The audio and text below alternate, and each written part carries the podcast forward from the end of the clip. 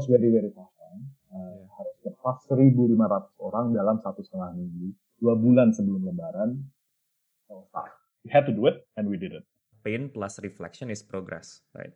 Kadang-kadang kayak pain itu tidak di reflect, jadi it doesn't become a progress. Itu tetap jadi pain aja. Welcome to Follow Your Flow Podcast.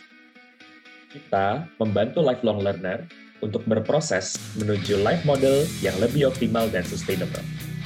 Di sini, kita akan belajar dari banyak sumber, mulai dari lifelong learner yang kita interview, sampai insight yang gue dan Mbak Ika dapat dari buku, artikel, podcast, maupun hasil refleksi pribadi kami. Di akhir setiap episode, lo akan mendapatkan science-backed pragmatic step yang bisa membantu lo untuk mentransformasi hidup lo. Hope you enjoy this episode. Alright, so welcome to Follow Your Flow Podcast. Jadi hari ini gue akan kembali menginterview seseorang dan guest kita hari ini adalah Aswin Andrison. Jadi gue kenal Aswin ini udah lama banget, udah dari tahun 2014. Saat itu ketika gue lagi persiapan manajemen consulting. Nah jadi waktu itu gue sebenarnya latihan sama temennya Aswin, tapi temennya Aswin yang juga kerja di McKinsey itu merefer Aswin karena katanya Aswin ini suka nih ngajarin uh, orang-orang buat ngebantuin ke case interview. Jadi waktu itu akhirnya gue ketemu sama Aswin di GI ya malam-malam belajar. kak ajarin aku kak. Oke, bener gak sih? Hah? Social house ya? Social house, social yeah. house ya. gue inget banget lu kayak malam-malam gitu kayak rela untuk ngobrol sama mahasiswa baru lulus gitu. Gitu. Dan ketika akhirnya dengan bantuan Aswin dan juga akhirnya gue berhasil uh, masuk ke uh, McKinsey akhirnya kita juga sering catch up gitu in between projects. Dan setelah kita sama-sama lulus kita juga masih sering ngobrol tentang uh, startup tentang life tentang karir. Hmm. nah jadi buat yang belum kenal Aswin jadi Aswin ini uh, adalah seorang founder dari Stoko. Jadi Stoko ini adalah sebuah supply chain technology startup untuk pengantaran bahan baku sayur dan sembako untuk puluhan ribu warteg di Jakarta. Dan dulu ketika Aswin cerita idenya, gue kayak, wah gila sih, keren banget. nah cuma... Kayaknya waktu itu nggak ada yang percaya. Iya makanya. itu itu itu gue nggak percaya wow ternyata gila ya lu pengen men-tackle problem tersebut and we'll talk more about that dan sayangnya nih setelah mendapatkan funding di tahun 2018, uh, Stoko ini terpaksa berhenti beroperasi di tahun 2020 karena terdampak pandemi. Dan hari ini kita akan belajar dari Aswin gimana dia menghadapi situasi tersebut, di mana startup yang dia bangun dari awal itu terpaksa tutup. Dan ini mungkin udah sekitar satu setengah tahun ya setelah momen tersebut. Uh, dan ya. kita pengen belajar juga dari Aswin gitu, gimana caranya dia cope up dengan situasi tersebut dan sebenarnya sekarang dia lagi ngapain sih gitu. So Win, I'm really excited to chat with you today. Sama-sama, very very excited juga. Saling belajar. Saling belajar. nah mungkin as, as a starter dulu kali ya. Mungkin lo bisa ceritain dulu sedikit tentang Stoko dan apa yang bikin lo dulu memulai Stoko. Yeah, wow, that's that's like a, feels like decades ago. Exactly. Um, jadi awal-awal itu sebenarnya long story short, gue itu dulu uh, besar di Australia gitu kan.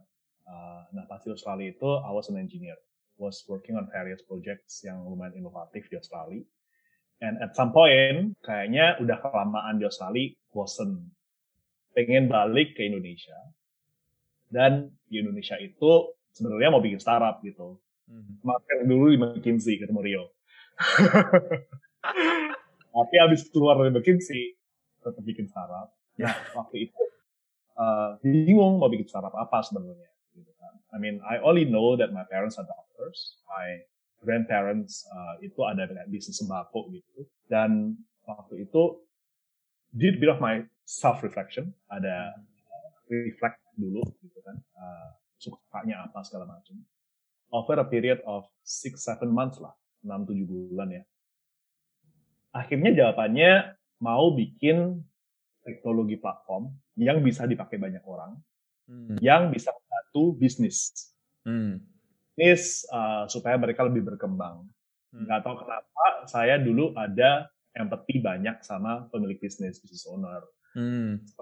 gara-gara sebelum uh, keluar dan bikin startup itu memang kebanyakan consult untuk business owner segala macam kan. So I was in a B2B software company, uh, hmm. juga, terus ada di Honeywell dan di IBM.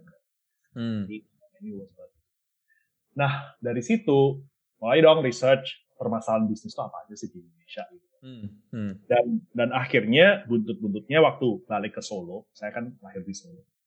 Balik ke Solo, waktu di di dalam mobil, aku lihat tuh di kiri jalan di Solo waktu aku amatin iya bisnis di Indonesia tuh banyak toko gitu hmm. bayangkan tuh memang toko Indonesia itu negara pembisnis yang bukanya toko gitu. Hmm. Nah, sekarang pikir toko itu permasalahannya apa aja gitu kan. Nah, tentu me being a, an ex consultant dan analis juga riset uh, dan dari situ ketemuin tuh semua pemain bisnis yang aku dari yang punya pabrik, dari yang punya distributor, dari yang punya wholesaler, yang di hmm. pasar kapal becek, pemilik restoran segala macam.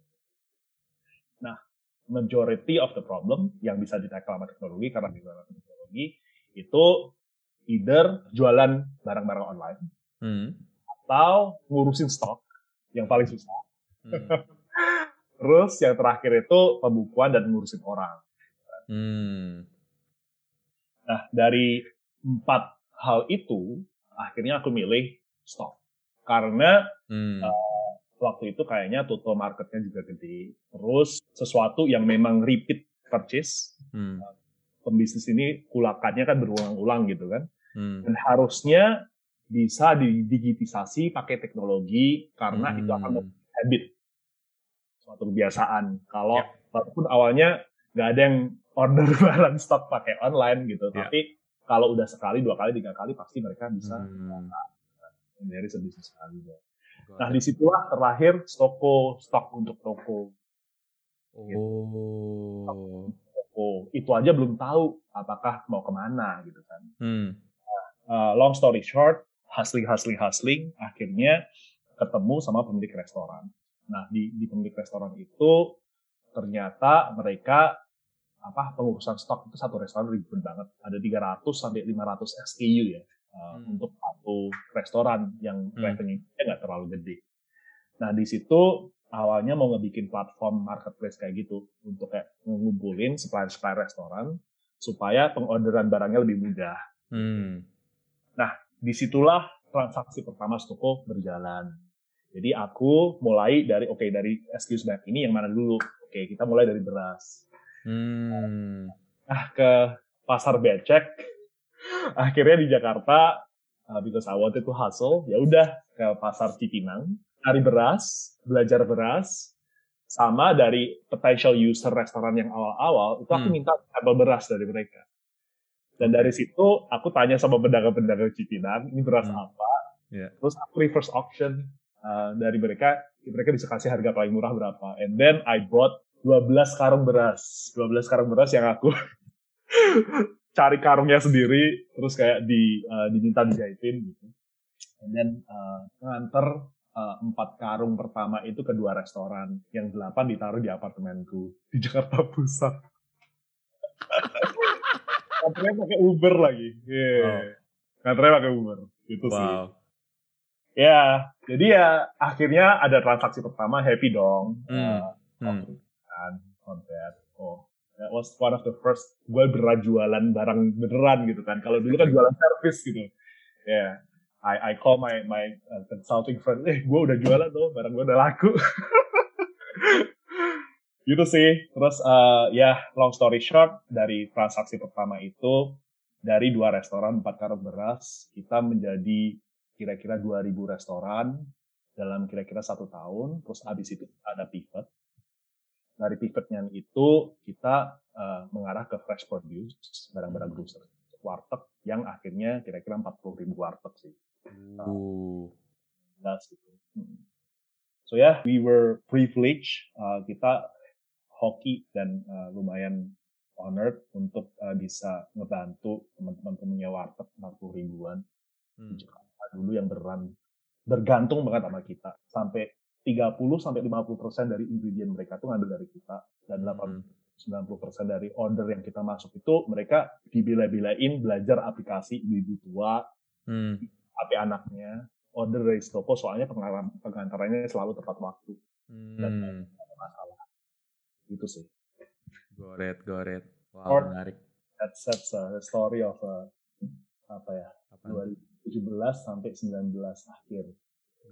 Got it thanks for sharing that gitu kan kayak the full story dari gimana lo memulai gitu. Dan mood gue menarik karena yang lo share itu juga sebenarnya so called of like the textbook of starting a startup kan. Kayak mulai dari apa yang kita passionate about terus kayak kita validate problemnya dengan kayak talk to customers terus abis itu juga kayak nemuin segmen-segmen dan scaling up right. Jadi kayak it sounds like a very beautiful textbook uh, of kayak gimana sih caranya kita tuh start and scale a startup. Dan juga kan lo juga udah sempat fundraising juga gitu kan. So there are also like a lot of people who believe in Stoko right?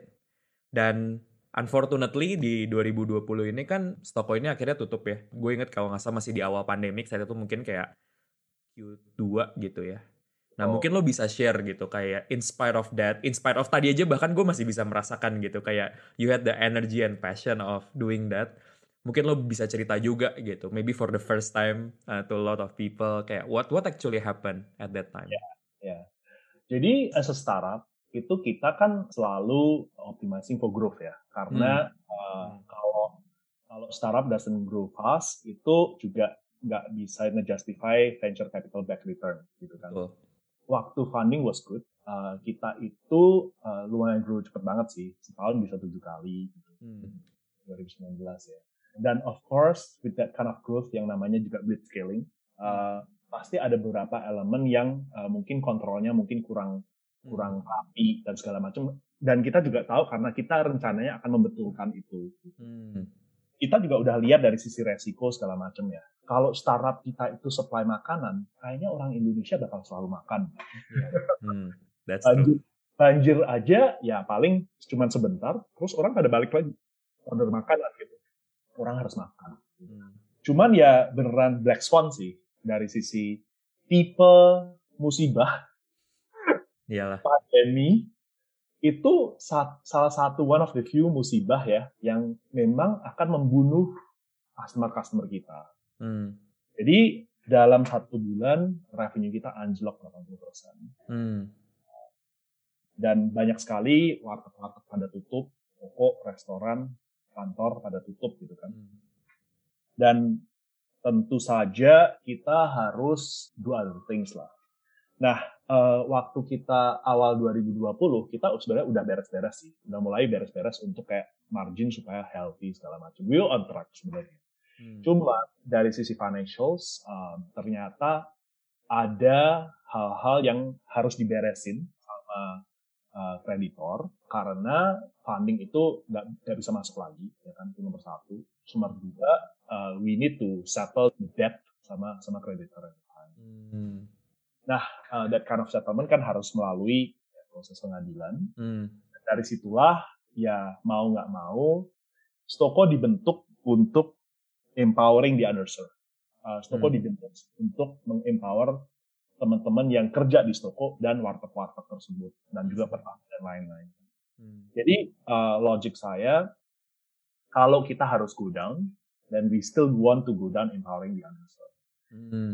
Aku nggak mau kalau employee kita nggak di treat dengan baik hmm. dan mereka dilepas gitu aja and we sacrifice them. Apalagi itu uh, kalau PS hmm. pertama 2020 itu kira-kira dua bulan sebelum Lebaran ya. Hmm Ya, yeah, that was very very tough time. Uh, yeah. Harus lepas 1.500 orang dalam satu setengah minggu. Uh, Oke. Okay. Uh, two months, uh, dua bulan sebelum Lebaran, that was tough, gitu kan. Hmm.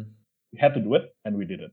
Hmm. Jadi we are proud to be able to uh, did that quite well. Thank you juga sama teman-teman ex yang udah mau paham dan Eh, mau supportive untuk gimana kita menutup toko barang-barang dengan gracious. Hmm. Itu the compensation yang kita offer. Dan dari situ aku jadi uh, tinggal bisa berkurang bebannya dan bisa be, apa, uh, bernegosiasi dan menyelesaikan kewajiban-kewajiban kita dengan kreditor. Hmm. That was hal yang nggak diduga juga sih bisa separah itu waktu pandemi siapa yang bisa menduga sih. Hmm. Wow, wow. Kebayang sih maksudnya kayak lo udah punya rencana gitu, udah punya projection dan tadi lo bilang revenue-nya apa? Revenue turun banget kan karena lo depend on on kayak a lot of the customers terus customersnya juga jadi tutup, right? Untuk sebuah event yang tidak pernah ada yang menyangka akan terjadi, right? Ya, jadi jadi waktu kita nge uh, apa udah grow cepet banget, hmm. kita tahu uh, ada inefficiency, kita on track untuk nge-fix dari sisi cost side, yeah. revenue-nya dihajar jebret at the same time. Iya. Yeah. Jadi ya susah lah. yeah.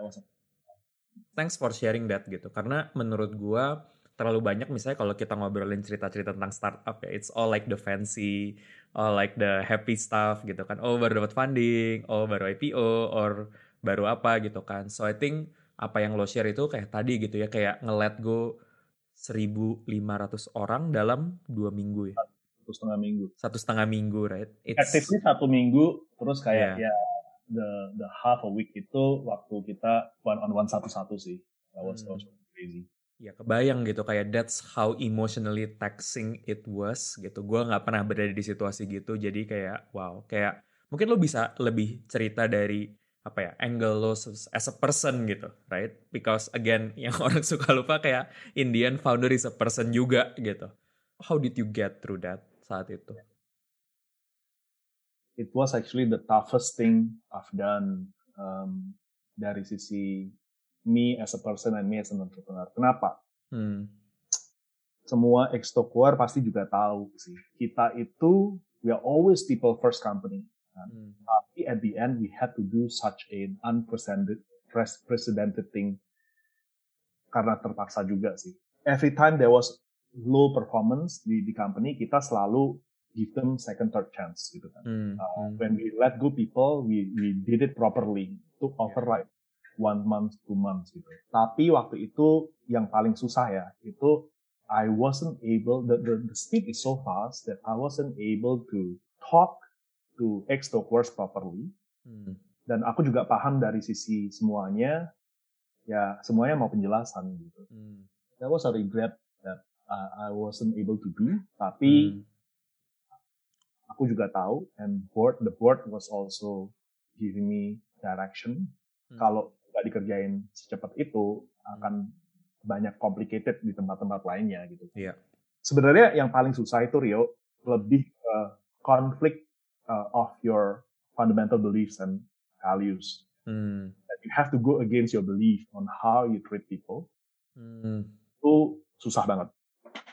Hmm. I kept beating myself around it for, for a couple of months. Hmm. Dan ya, yeah, hopefully um, ini kan kita juga lagi ngebikin something yang baru. Itu sebenarnya continuation spiritnya dari yang kemarin juga. Hmm. Yeah. That was that was tough. Iya, iya, iya kebayang sih. I think since like few years back kita kan kalau ngobrol gitu kayak ngopi-ngopi it's always talking about people. Uh, dan kayak I can clearly see bahwa you have passion in empowering people, helping people grow, right? Jadi kebayang gitu the amount of conflict and maybe guilt to some extent that you underwent for doing this gitu, right? Closing business is one thing tapi kayak again not living up your principles especially dipaksa dengan keadaan it's it's not easy yes yes betul banget ya yeah. And then once the dust settled gitu kan karena biasanya what I understand when a company shut down kan perlu kayak clearing all the obligations udah urusan sama employee maybe investor and also other parties gitu Yeah. Then after that kayak how did you cope up with that? Karena mungkin itu saatnya lu udah bisa agak merasakan and kayak the dust settles gitu kan. Ah, that was yeah, that was quite a quite a situation juga. Jadi personal aja ya. Uh, sebelum Stoko tutup, itu anak saya kembar lahir. Oh iya, yeah, I remember this ya. Yeah. November 2019, anak, hmm. anak kembar lagi lahir. Terus waktu Stoko lagi struggle banget, apalagi udah ada bakal ada PSBB kayak gitu, aku minta istri sama anak balik ke rumah di, di Solo gitu ya. Supaya aku bisa visit mereka. Hmm. Nah, kalau mereka di luar negeri nggak bisa. Gitu kan. hmm. Waktu ada proses untuk penutupan toko dan pemberesan obligasi dan segala macam itu aku nggak bisa ketemu sama family. Hmm. Di konteks the next time I saw my kids, mereka baru lahir, ya waktu mereka udah 8 bulan sih. Oh. So I never saw them. Dan itu juga stress banget. Hmm. Uh, in maybe about 10 kilos gitu. Hmm. Terus uh, balik anak-anak nggak tahu itu siapa. wow. Yeah. yeah. Dan uh, my wife was shocked to see how how fat I was.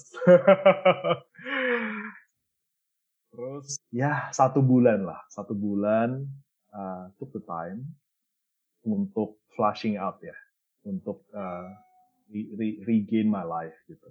Hmm. I owe all my gratitude and uh, and everything to to my wife. Hmm. Uh, jadi ya nggak pernah sempet tiga setengah tahun, tiga tahun lah ya, tiga setengah hmm. tahun beneran kayak spending time with her. Terus uh, waktu balik itu ya basically I wanted to be a good husband gitu. Hmm. Suami yang baik sama menjadi bapak yang baik. Hmm. Satu bulan memutuskan untuk masak. oh iya iya remember this time. Karena waktu di legal proses dan waktu di PSBB kan harus fokus jadi nggak bisa ngapa-ngapain jadi Betul. Uh, masak gitu Hmm. Satu bulan beran masak tiap hari sih. Dan spending time with family lah. Hmm. Dan dari situ I get to repay my debt uh, ke family lah in some hmm. small ways ya, some small hmm. ways. Dan akhirnya juga ada uh, ruang di kepala untuk mikir, oke, okay, next stepnya tuh aku mau ngapain. Pernah sih uh, akhirnya ke Bali, terus kayak meditasi satu minggu terus beneran mikir gitu kayak hmm. what is it that I can do that a lot of people may, may not be able to do hmm. dan what do I want to give to the world gitu kan so hmm. you you get to you get to think around that circles of ikigai gitu hmm. ngomong sama Rio juga kalau inget berkali-kali ingat ingat ingat lah bantu sorting out all these conflicting priorities, uh, all this chaos, greenness, dan segala macam. Nulis, uh, Rio juga yang bilang, uh, gue harus nulis. Dan dari tulisan-tulisan itu akhirnya dapat sih, kayak misinya tuh apa, tujuan hidupnya tuh apa, dan mau ke mana. Oh, seru, seru, seru, seru. Jadi kayak I think it's like a two-step process, right? Jadi kayak ketika habis, you know, the dust settles, now you finally had the time untuk oke okay, recharge dulu, spend time with your wife, with your kids, right? And after that kayak did a bit of reflection gitu kan to reflect well, like what happened before, terus kayak berikutnya mau ngapain, right? Maybe if you don't mind sharing, mungkin lo bisa share kayak apa sih tiga lesson yang lo hadapin dari experience tersebut? Nomor satu, entrepreneurship is a is an experience ya. Kayak hmm. bisa baca buku tanya orang A B C D E F G gitu. Hmm. Cuman only when you do it then you know how to make the mistakes. It's more about kayak building your muscles sebenarnya. Betul. Jadi kalau nggak di ada olahraganya, ya hmm. cuma teori aja untuk building muscle gitu. Ya. Yeah. Dan di banyak situasi uh, ngebangun bisnis, apalagi ngebangun startup ya, lebih yang inov bisnis inovasi gitu. Hmm. Itu banyak hal yang gray. Gak ada uh, right or wrong. Understanding of risk is very important. Jadi kayak lebih tahu lah granularity dari resiko itu kayak gimana. Hmm. Dan dari pengalaman-pengalaman yang gagal kayak gini, bisa lebih tahu lah, oke, okay, precisely kalau aku ngerjain A sebanyak kayak gini, resikonya bakal akan sebanyak itu. Hmm. So it's more about identification of risk, hmm. sama quantification of risk. Hmm. Familiarity of the risk. Karena kalau belum pernah ngerjain dan you haven't failed enough, yeah. gak, gak bener-bener ngerti kayak boundary-nya tuh di mana gitu. Hmm. gitu. Itu nomor satu. Nomor dua, family everything. Nomor hmm. satu. Jadi, I wouldn't be able to do what I do without my wife. Hmm. Building support of her uh, sampai sekarang ya. Yeah. Alignment with uh, significant others, what the family wants. The family mission should be aligned with the company, your, your personal entrepreneurship mission. And that personal entrepreneurship mission should be translated into the company mission, right? Hmm. Jadi that kind of alignment is very important. Halo teman-teman, apakah lo sedang berada di dalam situasi ini? Situasi di mana lo merasakan krisis, stuck, loss, baik secara karir maupun kehidupan, atau lagi bingung memilih di antara beberapa pilihan. Bisa jadi, mungkin juga lo sedang mengalami kesulitan untuk membangun habit yang sustainable. Nah, kita pengen bantu lo melalui course gratis yang namanya Setting Up Your Minimum Viable Priorities. Di course ini, lo akan belajar tiga hal. Pertama, melihat hidup lo secara lebih holistik, karena you are not your work, and there is more to life than just work. Kedua, menentukan prioritas jangka pendek, menengah, dan panjang. Ketiga, menentukan langkah konkret untuk membuat prioritas lo selangkah lebih dekat menjadi kenyataan. Di course ini, lo akan mendapatkan video berdurasi 45 menit yang bisa lo tonton kapan aja dan di mana aja. Dan lo akan mendapat workbook yang bisa lo pakai untuk mempermudah proses refleksi lo. Semua ini gratis. Yuk, dapatkan akses ke course ini dengan mengunjungi website kita di www.followyourflow.id www.followyourflow.id hmm. Ya, can see kenapa juga kayak untuk entrepreneur yang masih single juga mungkin less less complication in life gitu kan. Tapi the trade off of having less experience. Jadi ya, uh, I would I would encourage my kids kalau mereka mau bikin startup lebih awal segala macam, I would support them. Karena ya there is that accumulation of knowledge dan dan making mistakes yang memang hmm. harus dilalui yeah. on it or not gitu kan. Yeah. I think those two are the largest one ya. Um, hmm. Yang lebih personal. There, there are other uh, learnings dari sisi bisnis, dari sisi teknologi, dari sisi hiring, dari sisi people side segala macam gitu. Cuman kalau dari sisi entrepreneurship itu dua itu sih. Oh, berarti dua itu adalah pertama you get better understanding tentang risk gitu kan kayak risk-risk apa yang dulu lo ambil terus kayak oh ternyata kalau melakukan ini akibatnya itu right hal-hal yang mungkin ya kalau ikut course atau nanya-nanya yes you get it but sebelum benar-benar merasakan dan only that gitu kan beneran berasa oh ternyata implikasinya begini ya gitu sebelum benar-benar making mistakes sih jadi uh, you made a lot of small mistakes and reflect from it dan dari situ baru beneran berasa, bukan kayak dinalar aja, tapi berasa kalau oke, okay, this is the sense, gitu. That's the entrepreneurship sense. Jadi kalau satu itu tentang understanding of downside, yang kedua itu fuel, fuel dan energy for the upside. Dari mana gitu isinya. Got it. Dan ini loh kayak I think just wanna give you credit tentang apa ya, tentang life partner gitu. Karena kayak I think we, kita udah ngobrol ini beberapa kali gitu dan buat gue personally it's become like a a very important consideration juga gitu when I pick someone to become my life partner gitu kan kayak nyari orang yang juga bisa mendukung kita gitu because I know that membutuhkan orang yang juga siap gitu kan to support um, the journey that you took and you are taking. Oh, betul. Dan the next question adalah gini. Jadi kayak kita kan sekarang udah ngebahas gitu kayak what happened, what you learn, right? Dan tadi kenapa gue juga nanya specifically about your reflection, karena gue a big fan of Ray Dalio, dan dia tuh punya quote yang gue suka banget, yaitu adalah pain plus reflection is progress, right? Kadang-kadang kayak pain itu tidak di-reflect, jadi it doesn't become a progress. Itu tetap jadi pain aja. But I think based on what you experience before dan lo udah reflect, hopefully ini kayak lo udah punya some knowledge around kayak, oke, okay, nextnya apa gitu. Nah, dan the question is kayak, what are you doing next? Atau mungkin lo sudah memulainya gitu. very lucky sih. Uh, I think I consider myself to be very lucky that my wife still allow me to do this. Number one, right? And number two, uh, very lucky to know that walaupun teman-teman di Stoko 1.500 orang ya, itu ending kita nggak seideal yang kita harap. Tapi to my surprise juga, lumayan kaget, kalau ternyata ada komunitas ekstokuar yang udah terbentuk gitu.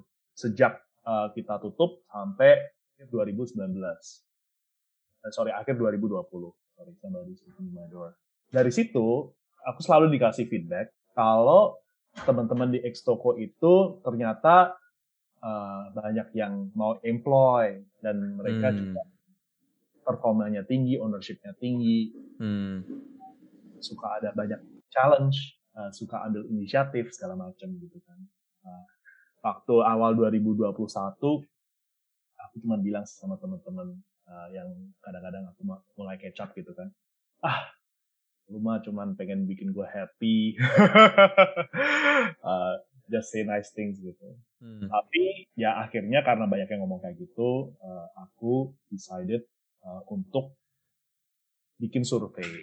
Hmm. Dari survei itu Google Form sebenarnya. Hmm. Uh, aku kirim ke kira-kira 15 orang ya yang pernah report ke aku gitu kan. Hmm. Dan I asked them to pass it on. To my surprise, uh, dari 1.200 orang, uh, no 1.500 orang, Hmm. ternyata 300 orang tuh respon dalam 6 jam. Wow. Ya, padahal I asked, I only forwarded the survey to 15 people ya. Wow. Series of forwarding gitu. Hmm. Ternyata 300 orang respon dalam 6 jam. Dan dalam 6 hari, 600 orang responded sih. Jadi- Wow. 50%, uh, 40-50% response rate. Wow, that's Um, huge. Hmm. Nah, makanya dengan seperti itu, aku juga bertanya-tanya sih. Kayak, ini sesuatu yang spesial kayaknya. Hmm. Uh, nggak nggak nggak asal aja kayak kita ada komunitas offline yang berdasarkan suatu perusahaan yang udah tutup dalam setahun, Hmm. tutupnya aja nggak beres Hmm. Hmm. gitu. Nah dari situ I ask some experts dan dari expert-expert ini juga bilang ini memang beneran unik gitu kan. Hmm. Nah dari situ kayaknya sih memang inadvertently kita itu dulu jualan sayur, ngebikin teknologi untuk menjual sayur, Hmm. tapi kita tidak sengaja getting into motivation driver of workforce di Indonesia. Gitu. Hmm. Kita tidak sengaja ngedevelop suatu screening method, Suatu- Oh. management practice, dan Hmm. suatu development practices yang nge-groom orang se-engage ini. Hmm. gitu. Dan dari situ, I think logically speaking, this is much needed in Indonesia. Gitu. Hmm. Kerja yang beran ownership tinggi, take pride in what they do, Ya. taking initiative segala macam. Gitu. And and we managed to do this uh, for 1,500 members dan uh, kita ada 100 orang yang juga menjadi kepala gudang di sini, supervisor di sana, kepala Hmm. transport di sini dan segala macam. Hmm. about 300 400 300 companies lah ya. Nah dari situ aku ngebikin sekarang komunitas online sih. Komunitas Hmm. pekerja yang online. Hmm. Nah mereka itu bisa sharing satu dengan yang lain. Hmm. Mirip kayak Facebook uh, job group atau Hmm. LinkedIn lah ya. Hmm. Untuk pekerja kerah biru dan kerah abu-abu. Hmm. Mungkin itu lebih untuk white collar workers, tapi masih belum ada platform yang cocok untuk teman-teman pekerja yang kerjaannya nature-nya lebih kerah biru dan kerah abu-abu. Hmm. Itulah kita lagi ngebikin banyak aktivitas, Hmm. banyak eh, apa interaksi berdasarkan offline eh, interaction yang kita sudah ada. Hmm. Kita ngebikin job board juga sih. Gitu. Hmm. Progress so far kita baru mulai dua bulan lah ya. Hmm. dan uh, kita udah ada 15.000 pekerja yang terregistrasi Hmm. Ya dan uh, pekerjaan juga kira-kira ada 20 ribuan. TikTok kita yang kita banyak interview teman-teman ex Topware dan bukan ex Topware juga itu udah ada 500-an video konten yang udah di follow 40 ribu followers. Mantap. Jadi very thankful dan kayak apa ya lumayan hopeful juga dengan progres kita Hmm. Sebenarnya kita tuh ngebikin wadah sih, ngebikin wadah dari semangat-semangat yang udah ada sebenarnya. Hmm. Amplify that and make that to be infectious to as many workers as possible di Indonesia. Hmm. Oke. Well, By the way, namanya Lumina. Lumina. Oke. Nanti nanti nanti gue akan share juga linknya di podcast ya. Kalau ada teman-teman yang mau ngeliat juga gitu. Tapi berarti basically yang lo lakukan adalah building another startup, right? Betul, betul. Right. Another startup. Dan the question adalah gila juga ya lo kayak tahun lalu you just close your startup karena pandemi, terus kayak sekarang malah bikin startup lagi, right? So gue curious, what was the thought process behind that? Karena yeah. yang gue tangkap biasanya ya kayak kalau someone just underwent like a major setback gitu kan kayak oke okay, oke okay, fine. I'll take a break. Mungkin kayak doing something yang lebih nggak risky gitu. Tapi sekarang lo melakukan sesuatu yang juga mungkin ya gue nggak tahu ya karena gue nggak di domain ini yang mungkin juga risknya cukup besar gitu kan. Basically starting another startup. So curious gitu what's the thought process? Tadi gue dapet sih a glimpse of it because kayak you see the spirit of ex stockers tapi kayak gue pengen gali lebih dalam gitu. What other things yang motivate lo akhirnya oke okay, I need to do this gitu. Yeah well fundamentally gue itu orang teknologi. I used to be an engineer right? Hmm. as an engineer I need to build technology product. Hmm. dan kalau gue bikin teknologi produk di Indonesia teknologi produk itu harus dipakai orang banyak. Kalau yeah. enggak ya nggak guna lah Iya, iya. Yeah. Also just build kayak apa ya toko atau dagang yeah. atau apa gitu. That's true. Nah, teknologi produk yang harus dipakai orang banyak ini, orang banyaknya kayak gimana kalau di Indonesia? Most of us are working in informal sector gitu hmm. di Indonesia ya. Hmm. Dan aku lihat dari apa yang terjadi di Stoko dan sesudah Stoko, hmm dan aku juga triangulasi dari teman-teman pemilik bisnis dan lain-lain. Hmm. kan dari pemilik bisnis itu merasa kalau cari orang yang bagus susah. Hmm. Kenapa di toko ada orang kayak gini? Hmm. Something nggak make sense kan? Hmm. Nah dari situ ya kayaknya sih there is a big misunderstanding happening in the recruiting sector for blue collar and, and green collar workers antara entrepreneur dan pekerjanya gitu. Hmm kalau aku lihat dari saya gitu berarti kan that's a technology and data and information problem sebenarnya. Hmm. Nah dari situ kayaknya sih memang belum ada aja uh, suatu platform yang dibangun untuk this particular use case yang sebenarnya hmm. use case-nya tuh um, lumayan besar sih di Indonesia. Iya, gede banget. Uh, kita ada 80 juta blue collar worker di Indonesia. Hmm. Majority of workers are working on informal sector. Hmm. Jadi ya uh, kalau aku udah ada pengalaman seperti ini, diberkati dengan teman-teman yang udah ada komunitasnya, hmm. dan mereka minta untuk bisa di empower lebih kenceng lagi dan minta kalau mereka untuk mau sharing dengan orang lain. They also they also all help each other juga kan. Hmm.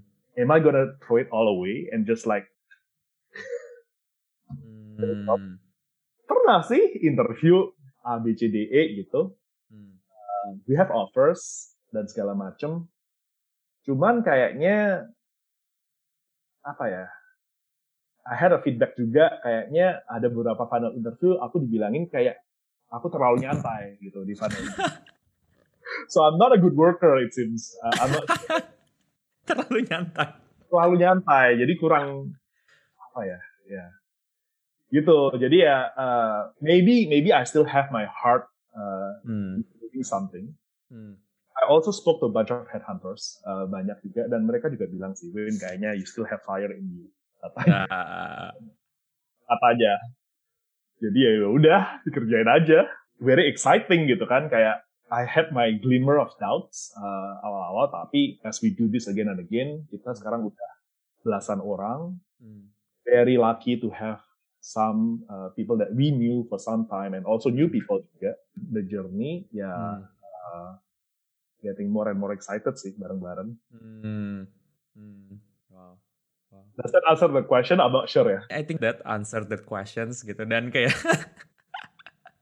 apa it's very consistent with you know kayak all the conversation that we had from like many years back gitu loh bahwa memang lo kalau bikin decision kayak gitu Ya, kalau kayak kayak gimana ya? Gini no, I, I, I remember kayak after you quit dan I quit kayak mungkin kayak berapa minggu setelahnya gitu. I think gue ingat banget kita waktu itu catch up di City Walk ya. And then you shared, oh iya nih gue lagi mau memulai sebuah ide startup nih gitu.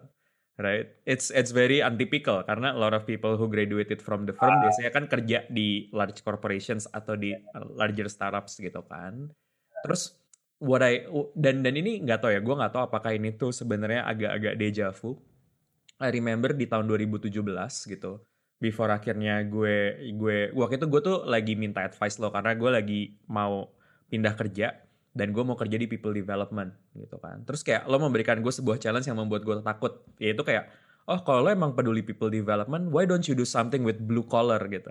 I really remember I don't know if you remember you say that but I remember you say that jadi mana kayak um, gue suka sih people development tapi kayak kalau blue collar I don't think I have what it takes. Waktu itu gue mikirnya kayak gitu right? Jadi kayak ya udah kayak gue akhirnya tidak menggarap uh, segmen blue collar gitu. Karena I I don't think I have um, kayak the experience and the confidence to work on that. Jadi menurut gue it's it it feels like a deja vu kalau sekarang lo malah ngerjain ngerjain. at the core of blue collar worker. Maksudnya kan kalau kayak di Yeah. Stockholm gitu kan kayak lo kerja bareng blue collar right? Yes dan sekarang lo malah kayak ngambil the essence of it dan kayak making like a business kayak doubling down on that gitu. Karena again this is like a real problem or like a real opportunity for Indonesia gitu kan. Dari jumlahnya banyak the number of people yang bisa tertolong gitu kan. Dan juga dari segi bisnis Mm. it's just amazing gitu kayak to see the journey gitu kayak from that moment from the conversation we had ketika lo dulu baru cabut gitu Ya, uh, I also realize waktu di Stoko juga um, I love to work on systems kan. Jadi um, and not so much on caring and and um, you know cleaning up the vegetables. ya ya ya Jadi uh, I feel I'm happier dari sisi building the complicated system dan juga nggak nggak perlu untuk spending energy untuk hal-hal yang kurang give me a lot of energy gitu sih. got it Yeah. So so from energy management perspective, a lot more excited. Lot more excited. Hmm. No doubt it's it's actually difficult dari dari dari business model dan dari inovasinya itu lebih inovatif ya. Dari Ya. Benar, benar. Dan actually gue penasaran um, on this sih. Jadi kan tadi juga kita udah ngebahas gitu bahwa kayak last year you just shut down your company, terus kayak lo sekarang bikin lagi gitu. Dan I believe kayak some of our listeners juga mungkin berada di situasi di mana mereka baru gagal gitu dan juga lagi di tahap kayak gue nyoba lagi nggak ya atau I just do something else gitu. What would be your tips for people who are you know facing that situation? Mungkin orang lihat lo kayak gila ya Aswin kok bisa ya mikir kayak gitu gitu. Gila ya masih punya dead fire kayak So that, that's a very tough question ya because uh, Yeah. jadi I, I, I, dari dari failure gue Huh. itu merubah cara gue ngelihat orang and and give advices to people. Kenapa? Karena Hmm. certain things that I assume turn out to be false. Hmm. Uh, dan ya I believe uh, setiap orang itu kondisinya beda-beda gitu kan. Iya. Kondisinya beda-beda. Jadi uh, to make a generalized tip kayaknya it's pretty dangerous. Uh, cuman let, let me try to to give my perspective lah. Kalau Ya. Si- si- situasi gua ya. Um, for me, this is a very sensible way to rebuild gitu. Uh, sensible way for me to move forward karena ya gua udah ada experience base, gua udah ada aset, I have I'm very lucky to have supportive family around it. Ya. Dan the market is large. For me, it makes sense. It's actually a lower risk option daripada gua jadi employee somewhere. Gitu kan. yeah, I mean, then um, then I will not use a lot of the stuff yang gua udah akumulasi gitu kan Yeah. to the Yeah. fullest potential gitu. I think the lesson learned dari situ tuh lebih bisa extract sih kayak paham situasi diri itu tuh uh, what are the boundaries around the people you care about, right? Hmm. Uh, dan dalam boundary itu apa yang kamu bisa mampu untuk optimize for yourself. Yeah. And hopefully that optimization for yourself, the outcome is intertwined dengan outcome-outcome yang di, disukai uh, dengan orang-orang that you care about. Hmm. I think it's about that relationship synergy. Hmm. Uh, for me, I'm lucky to be put in that situation. Hmm. Tapi I'm sure everybody has different answer. Um, yeah. Paham, paham. And and thanks for that caveat sih. Karena I think as you rightly say gitu, the goal of this sharing juga bukan berarti kayak oh setiap orang yang baru saja mengalami kegagalan mereka harus mencoba lagi karena every person has different situation, be it yeah. misalnya financially atau misalnya lingkungannya, life priorities. Kayak in your case it just makes sense, right? Tapi in other people's case it may not make sense. Makanya itu juga sih yang kayak gue dan uh, Follow Your Flow tuh coba promote juga. Jadi instead of kayak kita mengcopy paste jawaban lo, tapi lebih kayak gimana kita belajar dari cara pikir lo gitu. Kayak ya. gimana ada orang yang dulu tuh mengalami kegagalan tapi mau mencoba lagi, oh so that is the thought process. Dan dan on, on top of that, yang lebih penting itu having as much clarity as possible on what you and the people that you care wants. Yeah. Yeah. Clarity is the key, right? Soalnya when you are in the mud, uh, yeah. waktu di dalam uh, mat gitu kan itu tuh susah banget sih kayak beneran tahu kayak apa sih yang bikin what makes you tick yeah. what is normal for you segala macam jadi mungkin bisa ngomong sama Rio teman-temannya of course I'm not just promoting Rio yeah yeah thank you thank you yeah but but that's very very important karena kalau itu nggak di solve ya pasti akan stuck Yeah. Dan kalau stuck ya, then you don't know whether you are letting go something yang tadinya lu sebenarnya mau. Hmm. trying talking to friends, maybe not necessarily to coach. Dan dari situ hopefully ada lebih uh, lebih banyak clarity aja sih. Exactly, exactly. And and I think I think that's spot on sih.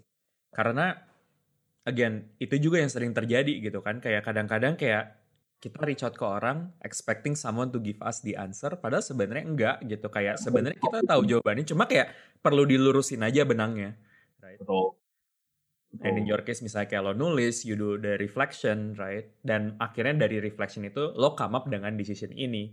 Apakah yes. setiap orang harus mengikuti ini? Kan enggak juga, karena tergantung. Tadi menurut gue kata kuncinya ketika lo bilang kayak what you're optimizing for sih. Hmm.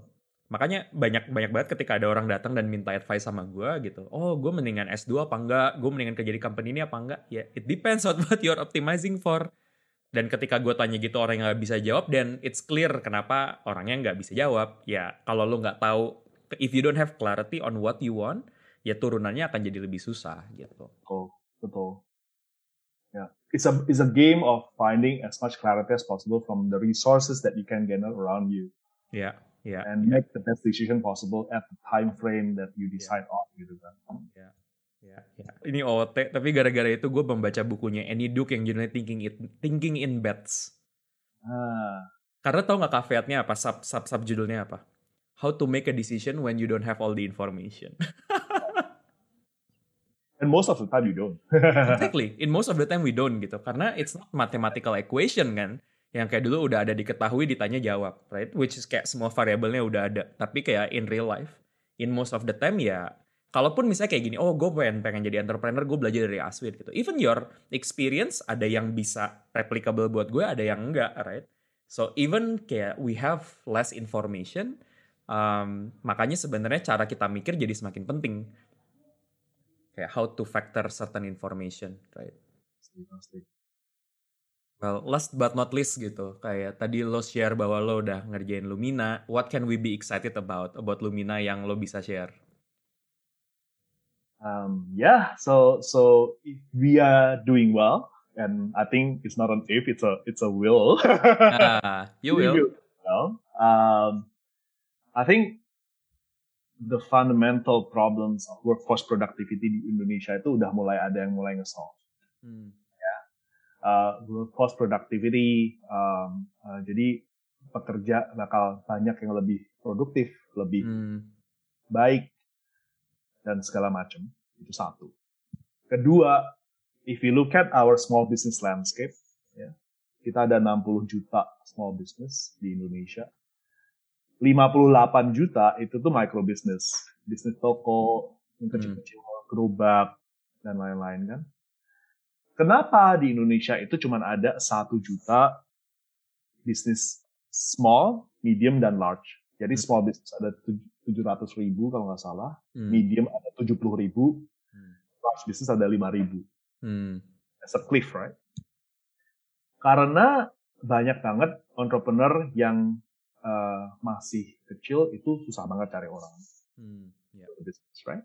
Yeah. Jadi I'm very very excited sih sebenarnya to, to be honest with you kalau aku ngelihat orang-orang di Xtoko, di komunitas Lumina dan lain-lain. Sebenarnya kayaknya age age old problem di mana orang Indonesia itu dibilang males, nggak mau belajar, maunya nyontak doang, segala macem. Starting to change menurut aku. Ya. Uh, generasi muda udah mulai ada semangat 45 lagi gitu. Yeah. Dan Yeah. bangun bangsa udah ada perubahan-perubahan aku lihat. Bukan cuma dari anak-anak muda yang 18 sampai 25 for example, tapi we are seperti targeting 25 sampai 35. Hmm. Jadi profesional muda atau Hmm. pekerja muda lah ya. Hmm. Dan kalau itu beneran berjalan dan lebih besar, lebih besar, lebih besar, Hmm. Lebih banyak teman-teman uh, pemilik bisnis yang join komunitas kami, Hmm. uh, ngerjain ini bareng-bareng, believe in the future of our nation. Hmm. I think Indonesia will be a better place. Indonesia uh, akan menjadi negara yang lebih kompetitif. Ya. Uh, kita nggak cuma ngomong aja uh, setiap tanggal 17 Agustus hormat sama uh, Sang Merah Putih, tapi bisa memberikan kenyataan dari hal-hal seperti itu gitu. Hmm. Bukan cuma kita yang ngomong, tapi orang luar yang ngomong nih. Orang Ya. Indonesia kayak gini loh. Ya. It's gonna be world class gitu kita Wow. ada populasi 250 juta, 270 juta, akan mungkin populasinya akan lebih gede lagi gitu Hmm. in the next decade. Uh, dan the problem is just productivity kan. Hmm. So very personally very very excited with the prospect. Maka I will not be able to sleep if I leave all this lesson behind and just do something else. Hmm. Kayak the stake is too high. The stake is too high. Thanks, thanks banget Win for your time. I think that's a great way to end this episode. Thank you, thank you Rio. Best of luck for Lumina. Uh, best of luck juga kayak you know to use your lesson yang lo pelajarin gitu dari Stoko and now to create impact on a different side. Gue gue tadi waktu dengerin lo ngomong juga gue super excited with the future gitu. Karena biar narasinya tuh nggak gitu-gitu lagi gitu kan and we can actually better. Make it, As- make as it a happen, make it happen together gitu. Yeah. Thank you Rio. Have a Sip. good one everybody. Thank you Win. Bye. Thank you banget ya udah dengerin episode kita kali ini. Kalau lo suka sama konten ini dan merasa kalau lebih banyak orang perlu mendengarnya, please share this to your network. Karena itu akan membantu mereka untuk menemukan konten ini dan mentransformasi hidup mereka. Jangan lupa juga untuk follow kita di Instagram, karena setiap harinya kita akan post bite-size content untuk merefresh apa yang teman-teman sudah pelajari di podcast ini. Check out our Instagram at followyourflow.id. Terakhir, ada free course di website kita, yaitu tentang setting up your minimum viable priority, di mana lo bisa memahami prioritas hidup lo dan cara yang lebih konkret untuk mencapainya. Yuk, dapatkan akses di course-nya dengan check out our website di www.followyourflow.id.